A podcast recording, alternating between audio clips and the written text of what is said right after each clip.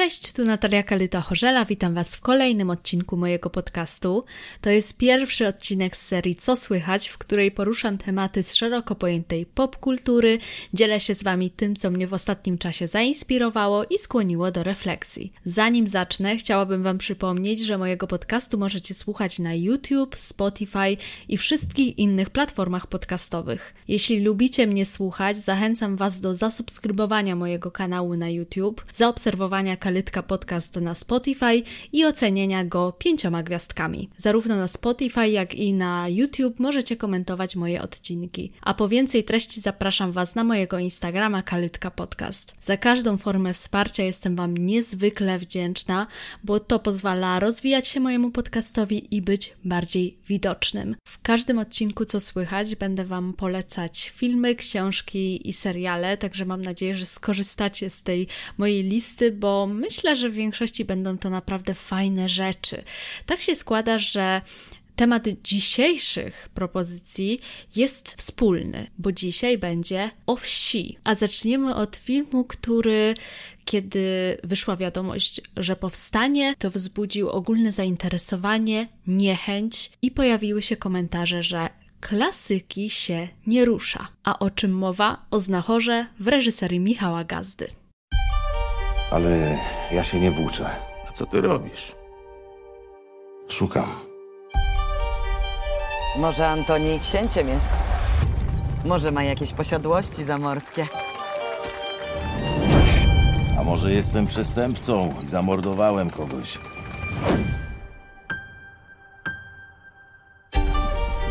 Mnie już niepotrzebny. W domu nie mam, nie mam gdzie go postawić. Sierotka, Marysia. Nie zostanę tu długo. Odłożę na studia i jadę do Warszawy. Mamie obiecałam, że skończę studia. Jak widzisz, życie na wsi też ma swoje uroki. Zachwyciła mnie pani. Nie gapicie, zapłacenie się nie płaci. Nawet na lekarza nie starczy. Jego trzeba do szpitala! Mogę zobaczyć? Jest pan lekarzem? Nie, lekarzem nie jest. Ale mogę pomóc. Znachorstwo jest zabronione. To po co się tak na nią gapiłeś? Znasz ją? Raz ją widziałem. Pan umie... Kiedykolwiek operował pan człowieka? Muszę się zobaczyć z hrabią Stanisławem Czyńskim. Tak nie można! Ja muszę zanonsować! Ty jesteś z innego świata. Nic z tego nie będzie. Leszek wspominał, że marzysz o studiach. Tak będzie lepiej dla wszystkich.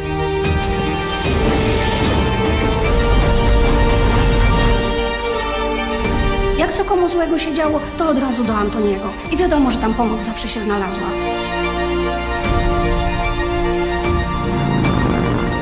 Ja bym wolała, żeby Antoni sobie nie przypomniał. Jest szczęśliwy, a o to w życiu chodzi, prawda? Dlaczego zatwiecie się do więzienia? Ale prawo jest prawem. Niech się Antoni nie martwi.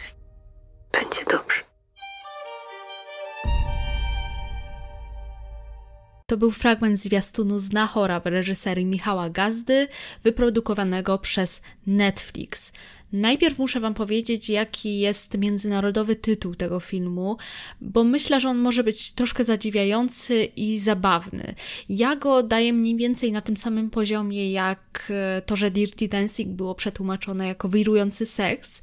To tutaj może mniej śmiesznie, ale równie bardzo nieadekwatnie. To znaczy, międzynarodowy tytuł Znachora brzmi Forgotten Love. Podobnie, prawda? Wszystko, wszystko się zgadza. Pamiętam, jakie było oburzenie w momencie, kiedy dowiedzieliśmy się, że powstaje kolejna adaptacja powieści Tadeusza Dołęgi Mostowicza z 1937 roku. No bo przecież, no kochani, ten znachor z 1981 roku w reżyserii Jerzego Hoffmana z Jerzym Binczyckim, z Anną Dymną, no to, to jest trochę taka epopeja narodowa dla nas. To jest taka świętość, ja myślę.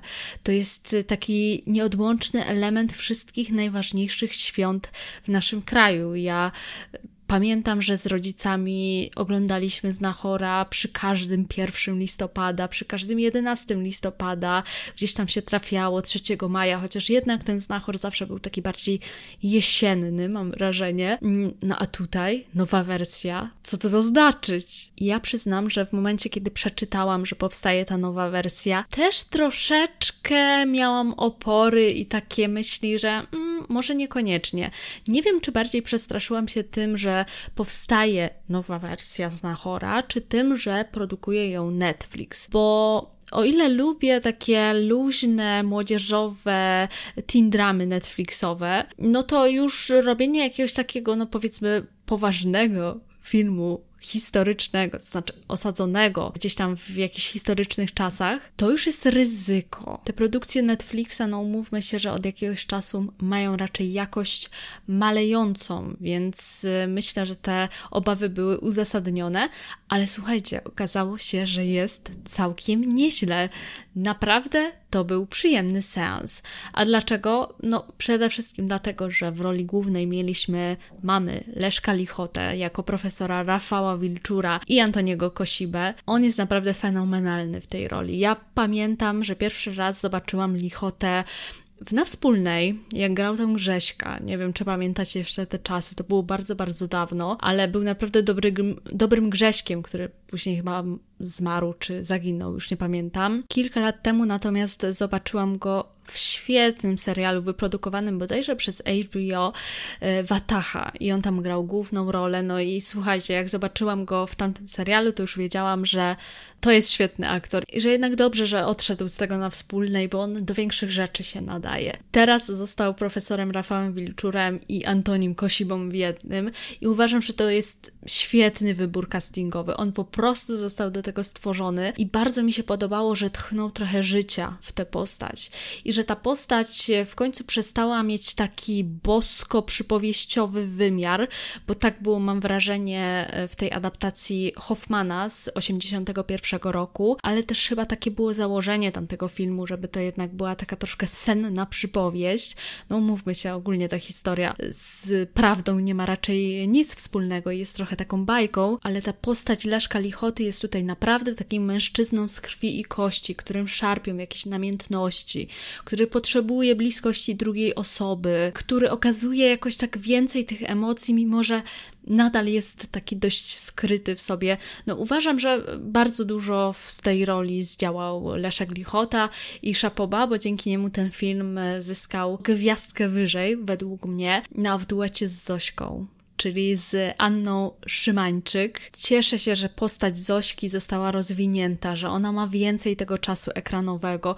No tutaj to jest naprawdę taka konkretna babka, która wprowadza dużo humoru do tej historii, która ma takie ikoniczne teksty. Bardzo mi się to podoba i nawet więcej i więcej bym jej chciała na tym ekranie, szczerze mówiąc, ale i tak cieszę się, że dano jej więcej do grania i że więcej życia jest w tej postaci niż e, w tej, w tej roli granej przez Bożenę Dykiel w 1981 roku.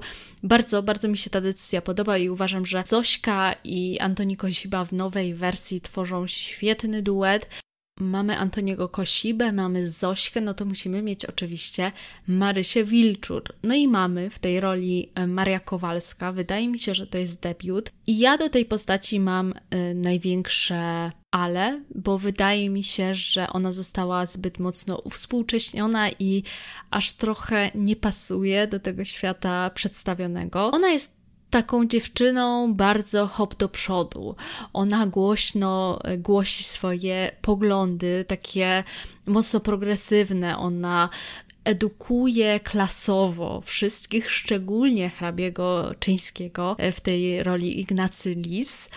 Y, którego no tak uświadamia klasowo, y, bo on jest taki oderwany od rzeczywistości, a ona mu mówi, że on ma szanować tych chłopów i tych prostych ludzi, że wszyscy jesteśmy równi. Ona tam się pojawia w scenie na tartaku, trochę też nie wiadomo skąd, gdzie jeden mm, z chłopów zostaje ranny. Marysia generalnie walczy o równość i ja bym powiedziała, że to wygląda trochę tak, jakby taką rasową lewaczkę z 2023 roku przenieść e, do 20 dwudziestolecia międzywojennego, czyli tej rzeczywistości e, ze Znachora i, i żeby ona tam po prostu się powymądrzała. Ja nie jestem fanką tego zabiegu. Uważam, że ta postać została za bardzo uwspółcześniona i zastanawia mnie, na ile to była decyzja twórców, a na ile decyzja samego Netflixa, żeby tak się stało, no bo ona tutaj ewidentnie gra pierwsze skrzypce, tak jak e, w tej adaptacji z 81 roku, która wcale nie jest pierwszą adaptacją powieści, bo pierwsza adaptacja miała miejsce już w 1937 roku, więc e, ten argument, że klasyki się nie rusza, to wiecie, tutaj tak, tak średnio bym powiedziała tak jak w tej adaptacji z 1981 roku, ewidentnie głównym bohaterem jest tytułowy znachor, czyli Antoni Kosiba-Wel, profesor Rafał Wilczur. Tak tutaj w tej nowej adaptacji wydaje się, że to Marysia ma być e, tą główną postacią, a znachor albo równorzędną, albo gdzieś tam delikatnie za nią. Bo wydaje mi się, że Marysia w tej nowej adaptacji miała być taką typową feministką, ale wiecie, to tak trochę śmiesznie wygląda na tle tego dwudziestolecia międzywojennego, tej wsi, tych wszystkich chłopów, mm, no i ona taka współczesna, no jakoś, jakoś mi to nie siedzi. No i ten hrabia czyński, to ja powiedziałabym, że to jest chyba najgorszy wybór castingowy e, w tym całym filmie, bo ten nowy hrabia czyński, i usłyszałam to w jednym podcaście i totalnie się z tym zgadzam, jest trochę jak wyciągnięty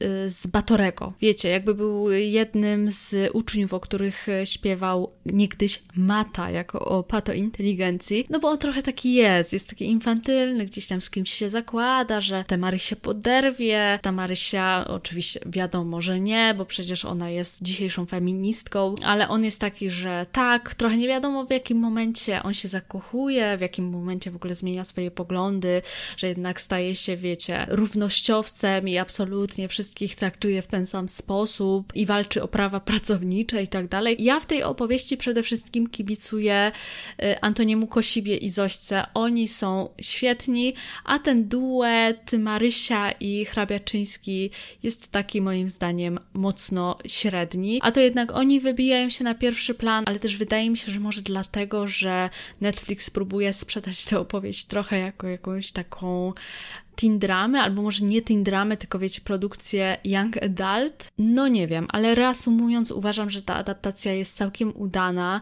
Ja nie wiem, czy będę wracać do tego filmu, szczerze mówiąc. Myślę, że prędzej wrócę do tej wersji Hoffmanowskiej, aniżeli do nowej adaptacji z Nahora, bo ta nowa adaptacja jest trochę taka, że wiecie, żeby sobie usiąść w niedzielne popołudnie i po prostu tak odpalić sobie jakiś niezobowiązujący film, lekki seans i, i posiedzieć i sobie porozkminiać, pooglądać piękną wieś, taką wiecie, czystą, taką idealną, w której nie ma kryzysu dwudziestolecia międzywojennego, w której wszystko jest takie ułożone i ładne i bez brudu i bez błota, więc e, jeśli na taką bajkę tak naprawdę macie ochotę, no to, e, to jak najbardziej e, polecam. Ja uważam, że ta adaptacja, mimo tych moich wszystkich tutaj żali, które wylałam, ale chyba też trochę pochwał było, że ta adaptacja jest jak najbardziej udana i dla mnie to jest taka szósteczka na 10.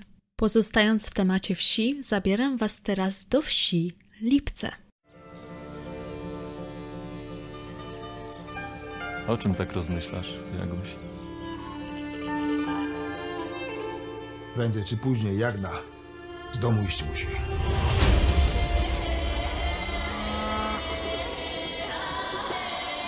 Taką to by można za bogatego wdowca wydać. Nie tam dobrze, gdzie jestem. Natura chce cię sprzedać. Będziesz se panią na wieś całą. Musi być coś ważniejszego niż te grosze. Dajże temu spokój, póki czas. Mogę to? Kiedy takim ogniem po kościach chodzi? Męża mam. Tak masz. Odwrócisz to. Grunt jest mój. Zrobię z nim, co mi się spodoba. Schowaj się! Nie do Pan Bóg stworzył, nie? Po co się powinien? Po ciebie!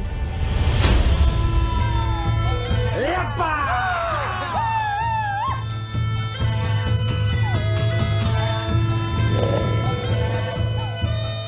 Tania cię kupił. Jeszcze taniej nas siebie sprzedał. Wiedziałaś, że ma żonę i dzieci, a na niego to już nie baczysz, co? Miłość przechodzi i odchodzi, a ziemia zostaje.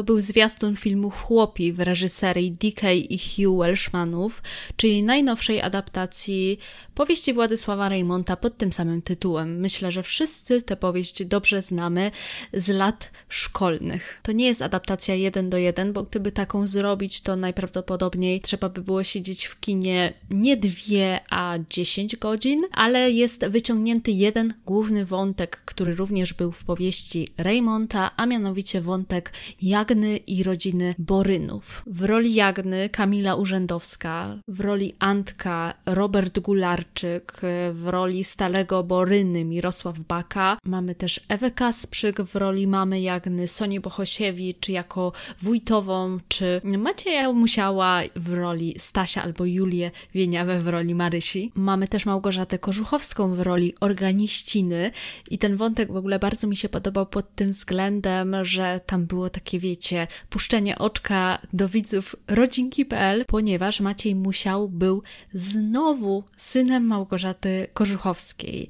Małgorzata Kożuchowska jako organiścina, a Maciej Musiał jako Jaś. Bardzo fajne to było, ale wracając do meritum. Chłopi to adaptacja malowana, to animacja, ale animacja specyficzna, bo powstała na kanwie zdjęć, ujęć aktorskich, czyli cały film był najpierw nagrany po prostu zwyczajnie z aktorami w studio, a później wszystkie te klatki zostały pomalowane przez ponad 100 malarzy. Tomasz Raczek próbował udowodnić, że w filmie mm, zostało wykorzystane AI do stworzenia tych malarskich obrazów, ale te plotki szybko zostały zdementowane. Wprawdzie próbowano użyć AI nie do całkowitego namalowania wszystkich obrazów, ale tych takich przechodnich, natomiast e, po próbach niestety nie udało się tego zrobić, źle to wyglądało, więc finalnie wszystko zostało namalowane przez malarzy i AI kompletnie nie zostało wykorzystane do tego projektu. Wielkim atutem tego filmu jest jego malarskość. Pojawiają się tam obrazy Józefa Hełmońskiego, na przykład Bociany czy Babielato, albo Kopanie buraków Leona Wyczółkowskiego, Wsód Księżyca Stanisława Masłowskiego, Młyn zimą Ferdynanda Ferdynanda Ryszczyckiego. No słuchajcie, plejada malarzy i to naprawdę widać. Ja polecam Postaram się Wam podlinkować to w opisie. Te porównania kadrów z chłopów z faktycznymi obrazami i to naprawdę momentami jest jeden do jeden. No, przepięknie jest to zrobione taką kreską malarzy młodopolskich. Bardzo, bardzo piękne to jest. Tą animacją zachwycają się wszyscy i wszyscy, łącznie ze mną zachwycają się również muzyką w tym filmie. Co to jest za muzyka? Skomponował ją Luke Rostkowski, który w ogóle wcześniej był znany raczej jako raper, aniżeli kompozytor, ktoś, kto czerpałby z folkloru. On zaprosił do współpracy takie zespoły jak Tęgie Chłopy, Laboratorium Pieśni i ta muzyka tak pięknie czerpie z folkloru, ze współczesnych brzmień, bo mamy tam połączenie takich ludowych brzmień ze współczesną elektroniką i to brzmi naprawdę bardzo, bardzo dobrze i idealnie współgra z tym malarskim obrazem, który, który kreuje się na ekranie. Oczywiście nie zabrakło również w tym przedsięwzięciu muzycznym Kai, czyli takiej no, królowej folklorowych brzmień, ludowych brzmień. Ją możemy usłyszeć w tej takiej głównej piosence Jesień tańcuj, która zresztą jest w filmie i jest e, w scenie wesela, która jest nomen nomen chyba najlepszą ze scen w całym e, filmie i tak pięknie pokazuje taką zabawę i radość tych wszystkich bohaterów, ale również e, zagubienie Jagny w tym wszystkim. Sceny tańca są zdecydowanie najlepsze i ja jestem ich ogromną fanką, a soundtracku z chłopów słucham cały czas i dosłownie jestem in my chłopi ira. Mam ochotę zapisać się do jakiegoś ludowego zespołu i śpiewać ludowe pieśni. Także wiecie, to jest, to jest ten stan. Ja po prostu uwielbiam ten film, uwielbiam tę muzykę i cały czas o tym myślę. Link do soundtracku oczywiście też zamieszczę w opisie. Jeśli jeszcze tego nie słuchaliście, jeśli jeszcze nie oglądaliście chłopów, idźcie, idźcie, idźcie koniecznie. I mimo, że akcja dzieje się pod koniec XIX wieku, to problematyka tej opowieści pokrywa się ze współczesnymi bolączkami. W centrum opowieści mamy kobietę. I tak jak Marysia w Znachorze, o której Wam wspominałam, jest w tej nowej adaptacji zarysowana tak mocno współcześnie i feministycznie, tak e, tutaj, mimo że, no oczywiście mamy kobietę w centrum, więc można powiedzieć, że jest to kino feministyczne, nacechowane feministycznie, to uważam, że ta postać Jagny jest bardzo dobrze zniuansowana i ona nie jest aż tak uwspółcześniona. Ja bym powiedziała, że ona jest naprawdę tylko troszeczkę uwspółcześniona i oczywiście te problemy, te rozsterki, z którymi ona się boryka, dotyczą nas dzisiaj również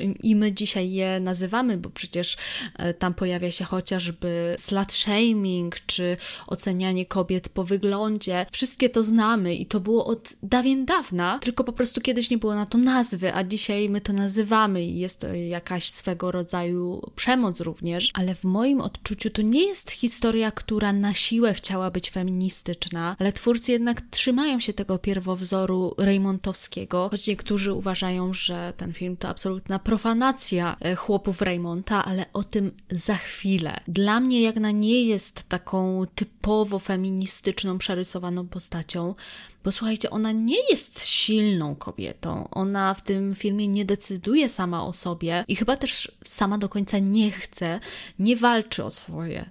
W dużej mierze poddaje się losowi i temu, co mówi matka i reszta społeczności, tak?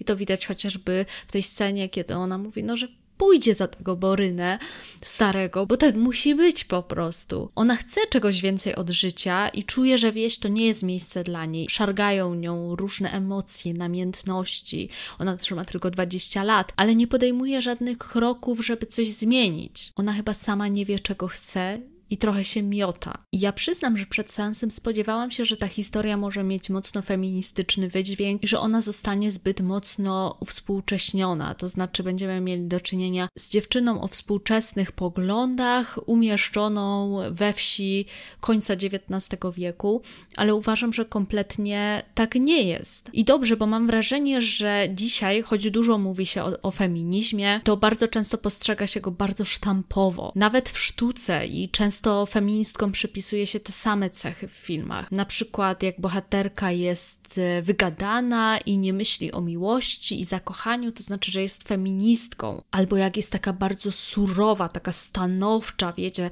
taka, że się prawie nie uśmiecha, jest taka po prostu oschła, taka posągowa, często nosi jeszcze e, damskie garnitury, to znaczy, że też jest feministką.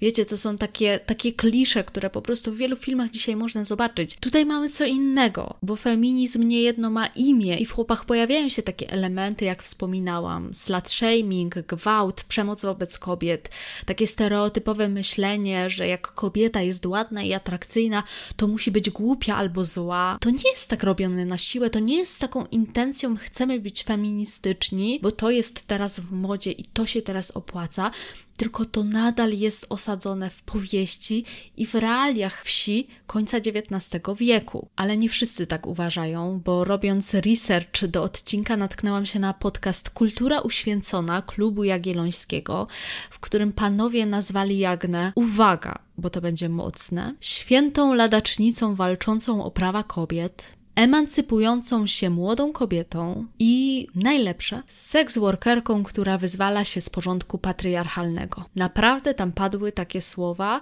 Ja nie umiałam się oderwać od tej rozmowy, bo po prostu pomyślałam sobie, no chyba widzieliśmy inny film. Tam też padają takie oskarżenia, że historia ma bardzo współczesny wydźwięk i że nie szanuje ówczesnych realiów i oczywiście Raymonta. Zupełnie szczerze, dla mnie to jest totalna bzdura. Po pierwsze, my dzisiaj nie jesteśmy Raymontem, który żyje i dostaje Nagrodę Nobla w latach dwudziestych XX wieku, tylko żyjemy w latach dwudziestych XXI wieku, 100 lat później.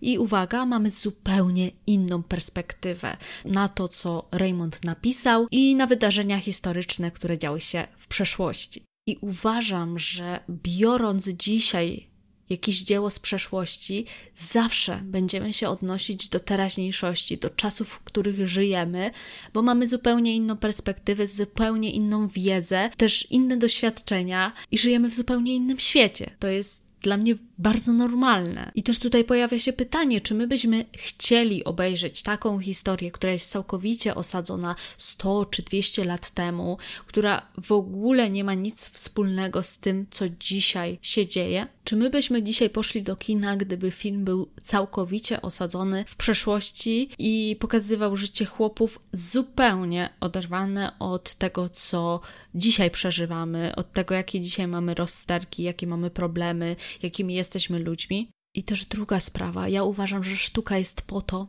żeby tworzyć, żeby być kreatywnym, żeby w różnych dziełach z przeszłości odnajdywać coś dla siebie i to dopasowywać do siebie. Przez stare historie opowiadać jednak coś nowego, coś, co dzisiaj dla współczesnego widza będzie ważne. I ja uważam, że to w chłopach absolutnie się udało. Twórcy zresztą sami mówią, a miałam przyjemność być na spotkaniu z reżyserem, z Hugh Welshmanem. On sam mówił o tym, że oni wyciągnęli z chłopów e, tylko jedną historię właściwie i opowiadają tę jedną historię. I druga sprawa, nie wiem, czy nie uznacie mnie za ignorantkę, bo to chyba nie można tak mówić, ale słuchajcie, jeśli pojawiają się negatywne komentarze o ekranizacji chłopów, to e, głównie dlatego, że zdaniem tych krytykujących film jest zbyt współczesny i jest zbyt współczesna perspektywa. A druga sprawa, pojawiają się te moje ulubione komentarze, które pojawiają się prawdopodobnie przy każdej ekranizacji jakiejś powieści, czyli że ta ekranizacja nie jest zgodna z powieścią. I ja jestem szczerze zdziwiona, że nagle pojawiło się tyle fanów i obrońców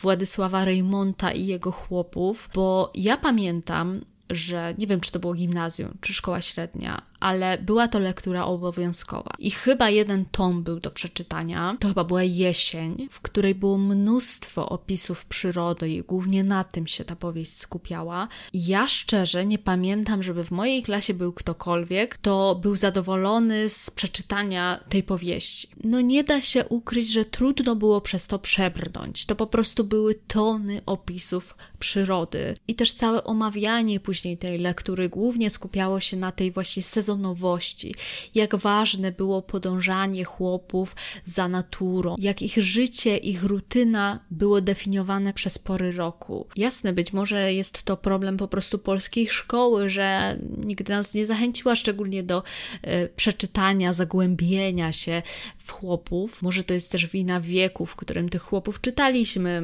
Może trzeba być po prostu dorosłym i dojrzałym, żeby dostrzec ten kunszt pisarski. Też jak przypominam sobie omawianie chłopów w szkole, to nieszczególnie dużo mówiło się o tej Jagnie, a jak się mówiło, to raczej w negatywnym kontekście, że rozkochiwała chłopów, że nie garnęła się za bardzo do roboty, że taka nie do końca uczciwa, no i że w sumie to słusznie ją tam na tym gnoju wywieźli. Pamiętam, że to było takie, takie rzucane, tam jakieś pytanie, wiecie, na kartkówce było, że co się stało z Jagną na końcu powieści? No i tam była odpowiedź, że wywieźli ją na gnoju, no to zaznaczam, że wywieźli ją na gnoju. I tak wiecie, wszyscy bez większych emocji po prostu do tego podchodzili. No, no wywieźli ją i tyle. I nauczyciele jakoś szczególnie nie omawiali tego problemu, co mogłoby być ciekawe w omawianiu chłopów, a nie tylko ta sezonowość i sezonowość i pory roku. A tutaj ten temat diagny w szkole był raczej tak, wiecie, zepchnięty na dalszy plan i ona po prostu była przedstawiona jako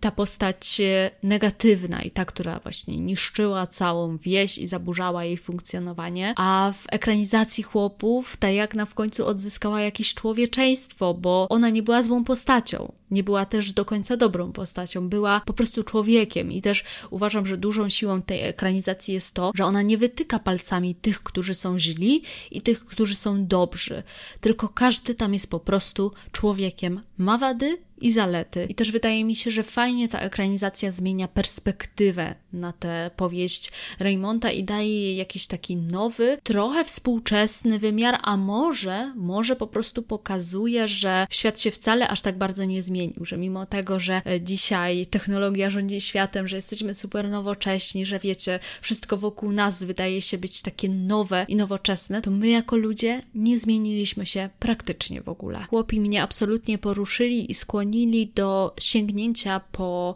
reportaż Joanny Kuciel-Frydryszak pod tytułem Chłopki – opowieść o naszych babkach. Jest to reportaż na podstawie pamiętników i zeznań naszych babek, artykułów prasowych i książek, głównie z przełomu lat 20. i 30. XX wieku, ukazujący życie wiejskich kobiet w Polsce. Zanim zacznę opowiadać o tej książce, to przeczytam Wam wiersz, który jest mottem tej książki. Wiersz Anny Świrczyńskiej pod tytułem Chłopka.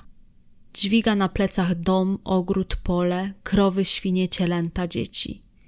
Jej grzbiet dziwi się, że nie pęknie. Jej ręce dziwią się, że nie odpadną. Ona się nie dziwi. Podpiera ją jak krwawy kij umarła harowaczka jej umarłej matki, prababkę bili batem. Ten bat błyszczy nad nią w chmurze zamiast słońca. Ten przejmujący wiersz Anny Świrczyńskiej pod tytułem Chłopka jest e, mottem opowieści o chłopkach XX wieku. Ta historia jest przerażająca. To znaczy, niewiele jest nadziei w tym reportażu. Są raczej bardzo ponure fakty, bardzo ponura rzeczywistość polskiej wsi sprzed ponad 100 lat. Nie ma już tutaj tych e, tańców, które były w chłopach, e, nie ma tym bardziej czystej wsi, która była w znachorze. Jest raczej dużo bólu, jest dużo pracy, jest dużo biedy. Ja Wam przytoczę kilka faktów, które pojawiają się w tym reportażu, a które mnie szczerze zaciekawiły, no i też zmroziły nie ukrywam. W chłopkach e, pojawia się oczywiście wątek zamąż pójścia, które bardzo często było inicjowane przez ojca panny młodej i była to transakcja wiązana i najczęściej chodziło oczywiście o morgi. Rzadko kiedy w tym zamąż pójściu chodziło o miłość, jakieś uczucie, jakiś szacunek, raczej e, o inwestycje i o pieniądze i przede wszystkim o ziemię. Z chłopek dowiedziałam się, że dopiero w dwudziestoleciu międzywojennym kobiety przestały ślubować mężowi uległość na ślubnym kobiercu. Wcześniej ich przysięga brzmiała Biorę cię za męża i ślubuję miłować cię i szanować, być wierną i uległą i nie opuszczać cię aż do śmierci. Oczywiście fragmentu o uległości nie mieli mężczyźni, tylko kobiety. A po 1920 roku zmieniła się ta przysięga na ślubuję ci miłość, wierność i uczciwość małżeńską oraz że cię nie opuszczę aż do śmierci, czyli na tę samą, która jest dzisiaj i wymawiana była taka sama przez mężczyzn i przez kobiety. W chłopkach również pojawia się wątek pracy dzieci. Dzieci musiały pracować od najmłodszych lat. Najczęściej ich praca polegała na wypasaniu bydła i z tych archiwalnych źródeł, listów, na które powołuje się Joanna Kuciel-Frydryszak w swoim raporcie wynika, że dzieci często czuły się gorzej traktowane niż to bydło, bo to bydło było po prostu skarbem dla rodziny, było też e, symbolem przetrwania i życia, jakkolwiek to powiedzieć, dostatku, choć tego dostatku za wiele na polskiej wsi nie było, szczególnie w latach 20., 30. XX wieku, kiedy przecież mieliśmy do czynienia z kryzysem, ale ten wątek pojawia się też w chłopach na samym początku, kiedy umiera krowa starego Boryny, on całą winą obarcza swoją córkę, też pokazując, że ta krowa była dla niego ważniejsza niż jego dzieci. Mamy też tutaj oczywiście wątki braku edukacji, tego, że mimo tego, że ktoś chciał się uczyć, to niekoniecznie mógł, bo musiał właśnie pomagać w domu, albo musiał gdzieś pracować u bogatszego chłopa, albo wyjeżdżać za granicę, pomagać innym rodzinom, żeby jakkolwiek przetrwać. W chłopkach pojawił się też wątek aborcji, która wówczas była wykonywana przez niewykwalifikowanych lekarzy, ale też wątek tego, że dawniej na niektórych terenach Polski obowiązywał napoleoński przepis zabraniający ustalenia ojcostwa i chroniący w ten sposób mężczyznę przed jakimkolwiek zobowiązaniem więc ustalenie ojcostwa i dostanie alimentów na przykład było w tym momencie niemożliwe, o ile ojciec sam się nie zgłosił. Pojawia się też taki wątek klasowy między chłopami a mieszczanami, gdzie pokazane jest, że ta przepaść między miastem a wsią była ogromna i że w miejskich czasopismach z wyższością i pogardą wypowiadano się o wsi, choć mieszkańcy miasta bardzo często odwiedzali wieś w wakacje, ale w tych czasopismach pojawiały się na przykład takie artykuły, co założyć na wieś totalnie oderwane od rzeczywistości. Podczas gdy chłopi ledwo wiązali koniec z końcem, to w miejskich czasopismach ktoś zastanawiał się nad tym, jakie buty założyć na wieś, albo czy jasną, czy ciemną sukienkę. Ta przepaść była ogromna. W chłopkach próżno szukać takiego sielskiego obrazu wsi w stylu cottagecore, wiecie o co chodzi. Pewnie oglądaliście mnóstwo tych treści, czy na TikToku, na Instagramie, kiedyś na Tumblerze też było to dosyć popularne. Nie ma tam spacerów po łące, i pieczenia ciast ze świeżo zebranych owoców z sadu. Dzisiaj mamy takie wyobrażenie wsi, że tam jest tak spokojnie, że wszyscy żyją blisko przyrody, że to jest takie proste i szczęśliwe życie. Tymczasem chłopki pokazują, że wieś to głównie ciężka praca od świtu do nocy i jedzenie ziemniaków na każdy posiłek dosłownie. Jest to przerażająca lektura, ja ją bardzo polecam, ale zupełnie szczerze nie dałam rady jej skończyć, bo jest naprawdę trudna. Ja Wam polecam wersję czytaną, audiobooka na BookBeacie, czytany przez Marię Peszek. Bardzo, bardzo dobra robota. BookBeat, please sponsor me. Niestety to nie jest jeszcze odcinek sponsorowany. Natomiast ta, ta bookbitowa wersja jest naprawdę bardzo dobra. Bardzo Wam polecam ten reportaż, bo on daje takie realne światło na to, jak wieś kiedyś wyglądała. Oczywiście to nie jest opowieść o współczesnej wsi, tylko o tej sprzed 100 lat, ale myślę, że też pozwala zrozumieć lepiej to, co dzisiaj dzieje się na polskiej wsi, to dlaczego dzisiaj wierzy się w jedno albo ma się określone poglądy na polskiej wsi. Daje to dużo takiego oglądu sytuacji i też skłania do tego, żeby zapytać własne babki czy prababki o to, jak im się kiedyś żyło. Mnie to właśnie skłoniło do takiej rozmowy z moją babcią i zapytałam po prostu o jej życie, jak wspomina swoje dzieciństwo. Myślę, że to też jest fajne takie otwarcie do międzypokoleniowej rozmowy, która, która jest na pewno potrzebna, żeby poznać swoje korzenie i nabrać jakiejś innej perspektywy. A na koniec chciałabym, żeby zrobiło się trochę bardziej optymistyczne i wrócimy do, no nie da się ukryć, idealizowania wsi, bo chcę Wam polecić serial Ania, nie Anna. One day, Princess Cordelia arrived at the most beautiful kingdom in the world. She knew not a soul and was worried no one would like her. We sent word to Mrs. Spencer to bring us a boy. You don't want me. There's no point in crying. There's been a mistake, is all. Girls can do anything a boy can do, and more. Who are you? My name is Anne Shirley Cuthbert, and please be sure to spell Anne with an E. Gilbert! Why are you walking with that orphan girl? I won't eat next to dirty trash. What good a cheap eater was.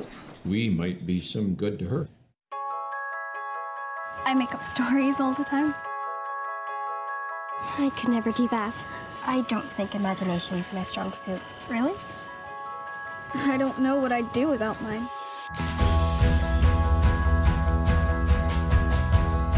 You're ridiculous.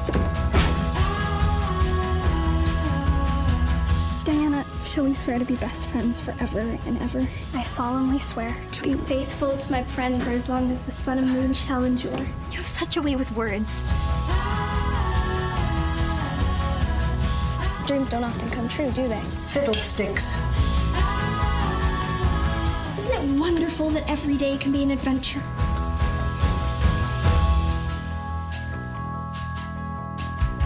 It's so easy to love Green Gables, isn't it?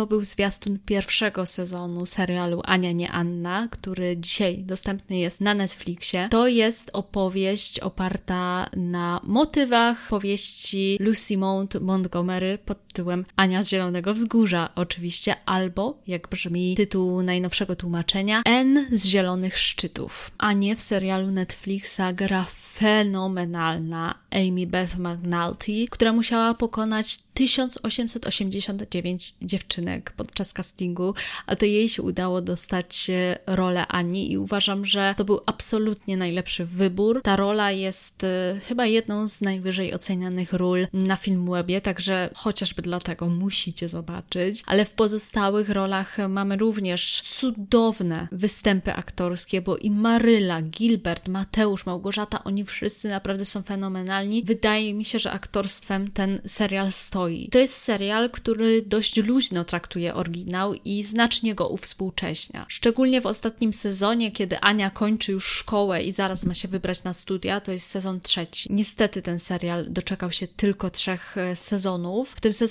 dużo jest wątków feministycznych. Ania poza tym jest pyskata, mądra, kochająca ludzi i przyrodę, odważna, jak w książce, a w serialu staje się jeszcze taką wojowniczką o wolność słowa i jest uosobieniem emancypacji kobiet. W serialu też pojawiają się wątki wyjścia z szafy, czy rasizmu, albo wątek rdzennych mieszkańców siłą wysyłanych do katolickich e, szkół. Myślę, że znamy ten e, wątek dobrze sprzed kilku lat, kiedy wiele grobów e, tych rdzennych mieszkańców zostało odkrytych w Kanadzie właśnie. To jest serial, poza tym, że gdzieś tam pojawiają się te wątki społeczne, to jest to jednak serial dla marzycieli. Dla kogoś, kto chce wrócić do lat dzieciństwa, którego najprawdopodobniej nigdy nie przeżył, bo nie żyliśmy na wsi kanadyjskiej, na wyspie świętego Edwarda pod koniec XIX wieku. Ten serial to jest taki list miłosny do marzycieli, do idealistów i osób pełnych nadziei na lepszy świat, nie zgadzających się na niesprawiedliwość. Mnie za każdym razem on niesamowicie porusza. On bardzo romantyzuje życie na wsi, mimo tego, że pojawiają się trudne wątki, to nie ma tam takiego natężenia trudnych wątków jak w chłopach czy chłopkach. Nawet jeśli one się pojawiają, to są podane raczej w takiej wersji soft i zawsze dobrze się kończą. To jest taki serial pełen nadziei jednak. Ja go bardzo polecam, bo on przenosi mnie w świat, którego nigdy nie było, i którego nigdy na pewno nie będzie, a w którym bardzo chciałabym żyć. Zdjęcia do tego serialu były kręcone w Kanadzie i od chwili, kiedy zobaczyłam Anię, nie Annę, marzy mi się, żeby pojechać do Kanady, bo te plenery są po prostu przepiękne. To są takie krajobrazy, surowe klify, pola rozciągające się po horyzont, gęste lasy, bezdroża. Wszystko w takiej estetyce cottagecore, jak my sobie to dzisiaj wyobrażamy. Dlatego też ten serial jest taki bardzo współczesny i taki, no, dopasowany do współczesnego widza na pewno, ale on mnie przenosi w zupełnie inny świat i ja za to go uwielbiam. Ja nie potrzebuję tam wątków zgodnych z rzeczywistością, ja nie potrzebuję tam naśladowania rzeczywistości sprzed 100 lat. Nie potrzebuję tego, żeby on był totalnie zgodny z powieścią Lucy Mount Montgomery. Absolutnie nie. Ja tam po prostu odnajduję jakiś taki spokój i mogę się w tym zatopić i mogę totalnie zapomnieć o świecie, o betonozie, w której żyję na co dzień, w której wszyscy chyba żyjemy. Więc absolutnie Wam ten serial polecam. To jest przepiękne dzieło. Zresztą chyba wszystko, co dzisiaj tutaj przytoczyłam, jest naprawdę warte uwagi. Mam nadzieję, że z którejś, przynajmniej jednej rekomendacji skorzystacie. Ja przy nagrywaniu tego odcinka bawiłam się bardzo dobrze. Pierwszy raz eksperymentuję z taką formą. Mam nadzieję, że to się sprawdzi, że to Wam się spodoba. Napiszcie mi proszę, jak Wam siadł ten odcinek, mm, czy czekacie na więcej, bo ja szczerze mówiąc jestem mega pozytywnie nastawiona. Na pewno pojawią się kolejne odcinki. Nie wiem kiedy, kiedy przyjdzie przypływ y, inspiracji, kiedy obejrzę kolejne fajne produkcje albo przypomnę sobie o tych starych, wartych uwagi. Dziękuję za to, że słuchaliście. A ja się z Wami już dzisiaj żegnam i życzę Wam słodkiego, miłego życia. Do usłyszenia.